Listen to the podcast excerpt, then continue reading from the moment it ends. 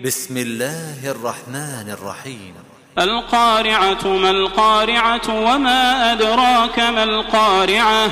يوم يكون الناس كالفراش المبثوث وتكون الجبال كالعهن المنفوش فأما من ثقلت موازينه فهو في عيشة راضية وأما من خفت موازينه فأمه هاوية وما أدراك ما هي نار حامية.